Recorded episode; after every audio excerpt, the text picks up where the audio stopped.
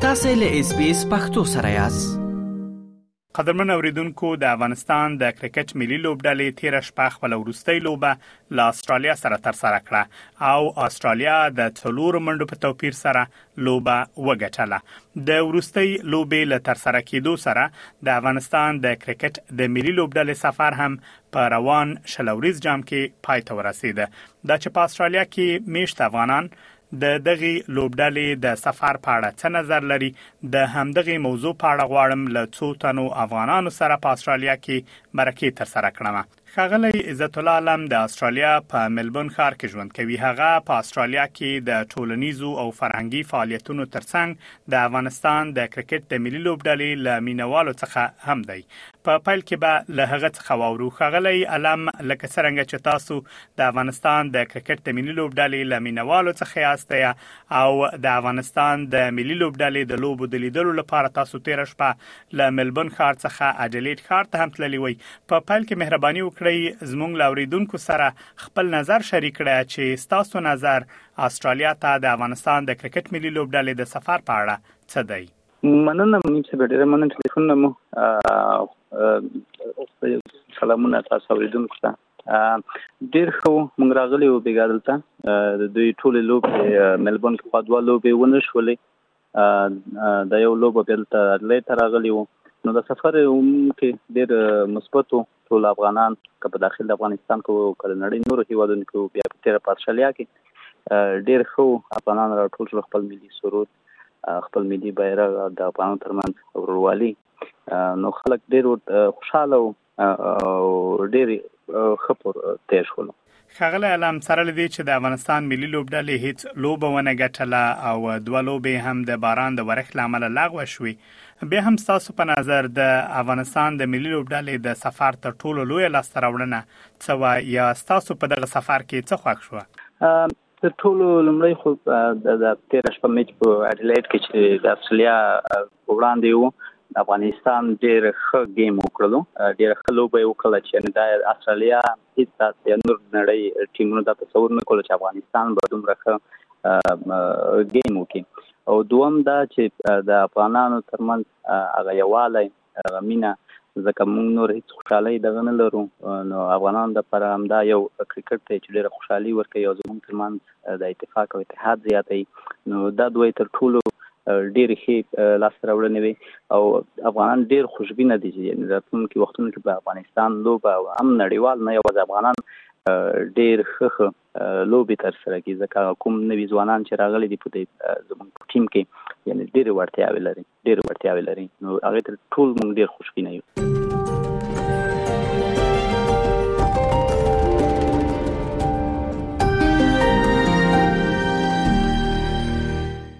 قدرمن اوریدونکو اوس هم له ما سره په اډیلید ښار کې د افغان کرکټ کلب بنسټ ایښودونکی ښاغلی منصور هاشمي د ټلیفون په کرښه ده له هغه څخه به هم د افغانستان د کرکټ د ملي لوبډلې د سفر په اړه واورو ښاغلی هاشمي صاحب لکه څرنګه چې تاسو هم د کرکټ له مینوالو څخه یاست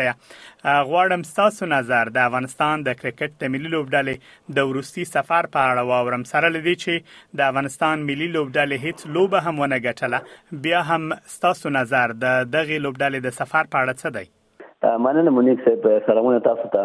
او تاسو ګران اوریدونکو ته د افغانستان استرالیا ته راتلل او په جهاني کپ کې حصہ اخیستل په خپل افغانستان ته او افغانان ته یو لوی افتخار که ستاسو پام یې ویست انډیز غوندې ټیم ونه شو کولی چې په جهاني کپ کې حصه واخلي، دا چې افغانستان وکولی شو استرالیا ته راغلی او په جهاني کپ کې ولوبېدی، لوبېدل هم همداسې چې لکه استرالیا غوندې ټیم صرف وکولی شو په څلور رنزو په تراو افغانستان نه میچ وګټي، دا په خپله افغانانو ته او افغانستان ته یو لوی افتخار دی. دا ملکونه چې په جهاني کپ کې اوسېږي د نه هغه مشکلات لري چې افغانستان لري د افغانستان حکومت بدل شو په تیر یو کال کې د افغانستان کرکټ بورډ کې تغیرات راغی هغه تغیرات راغی چې هغه سره ته د بازیکران په خپل راحت هم نه او خوشحال هم نه او د بیا هم هم بیا مو کول شو چې په جهاني کپ کې راشي او خپل هم مکمل کوشش وکړي افغانستان ته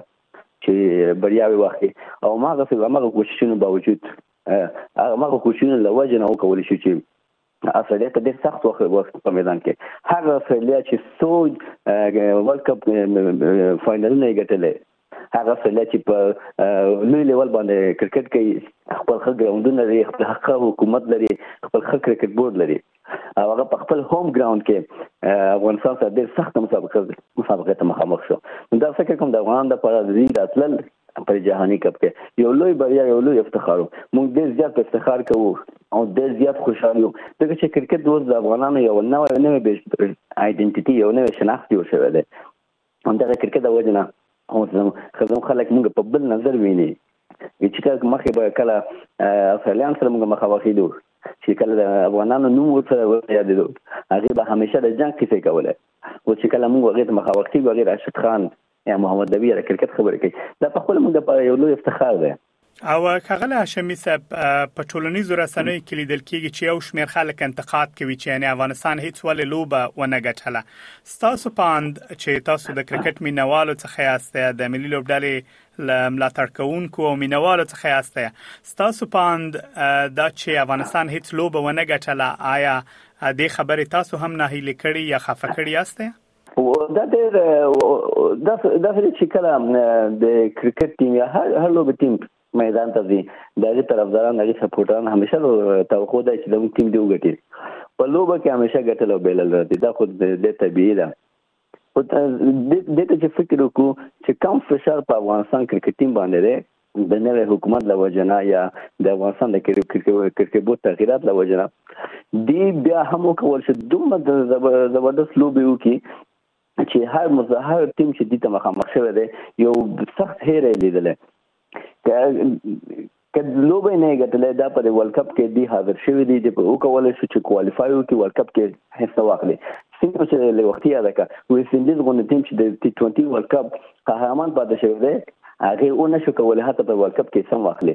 دا کم لوبه بدبختانه زموږ دوه لوبې د باران له وجې نه کینسل شو د هواداري ډېر لوی چانسونه و چې هغه میچونه افغانستان وګټي خو د افغانستان تعالی هم داسې و چې هغه ورځو کې باران وشو هغه لوبه اندرا شو چې یو پوینټونه دوه ملکونه واغستل خو څنګه چې له وختي مو دا چې دی په ورلد کپ کې څه غسه او دی راغلی د زموږ د رنګ بیرغ سره په جام جهاني کې ساده است مسابقه کې لکه افغانستان او استرالیا غونډه ټیمونه سره دا په خپل د افتخار ځای دی فکر کوم چې د وطندارانو د هوادوالو ګلې هم په ځای دي ځکه چې هغه د توقع لري چې زموږ موږ ته هغه د مين نه وایي چې په کار په کار چې ما سره مې چې کتل خو دا د طبيعي د چې کلم کرکټ ته ملان کرکټ میدان ته راځي هر لوبي چې کې هغه بیل لوګتل پکې راځي خو دا فکر وکړو چې تقریبا شل کاله مخکې یا پنځلس کاله مخکې موږ به دا ارزو دا زموږ یو خواهش او ارمان و چې افغانستان په جام جهاني کې څه وخت او د نن نو کول شو په جام جهاني کې څه وخت او سلام هم نتین ته دومره سخت وخت به په میدان کې ورکی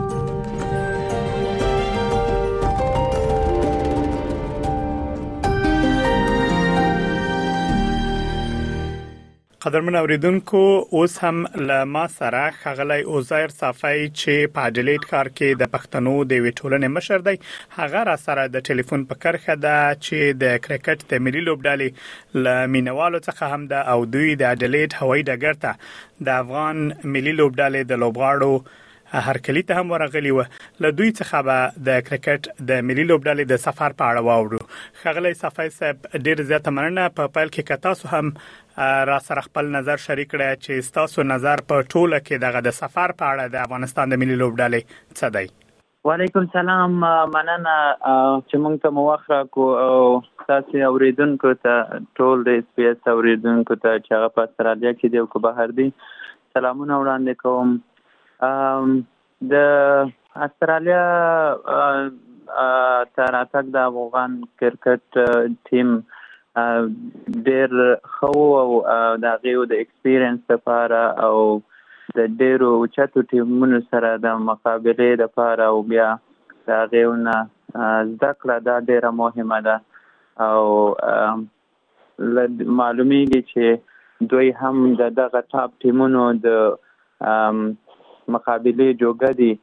او ډېرې خسته لوبې وشوې دوه خوشبخته متاسفانه چې واش اوټ شولې باران شو ونه شولې او د اډلید لوبه ډېره خسته لوبه و چې په اخره کې نږدې و چې افغانان یې وګټي خو متاسفانه چې مونږ بحث کړه خو مونږ متيقين يو چې زمونږ ټيم د نېشنل ټيم د هغې نه ډېر څه زده کړي او انشاالله په راتلونکي سياليو کې د هغې نه استفاده وکړي او کومې غلطيانې او يا هغه شوي هغه بيا تکرار نشي نو دا په عمومي کې ډېره ښایسته وه. بل د نوي راغلو افغانانو ورونو دپاره چې کوم په دغه افغانستان د سقوط نه وروسته دلته راغلي وو او ډېر په بدو حالاتو کې دلته را رسېدلي وو، نو د هغوی دپاره داسې یو زمینه وه چې راشي او خپل اتلان او خپل ورونو افغانانو نورو افغانانو ورونو سره په میدان کې وګوري چې یو بل سره وویني او د خوشحالۍ احساس وکړي او د افتخار احساس وکړي، ملي سرود چې هغې اورېدل موږ ته یو یو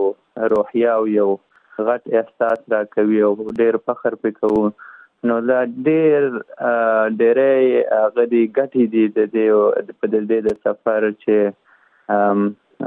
موږ نه شو کولی چې هغه په دې لږ وخت کې بیان کو نو د زیاتې ګټې زمونږ افغانانو ته او زمونږ ټیم ته ورسېدل مننه کغلی صفای صاحب لکه څنګه چې په ټولنیزو رسنیو کې مونږ دا هم ولیدل چې په اډلیټ ښار کې یو شمېر افغانان د ملي لوبډلې د لوبغاړو د هرکلی لپاره هوایي ډګر ته ورغلي و په دې اړه هم که معلومات زمونږ لاوریدونکو سره شریک چې څنګه تاسو خبر شوي او دا پروګرام مو په څه نیت برابر کړی و چې ټول افغانان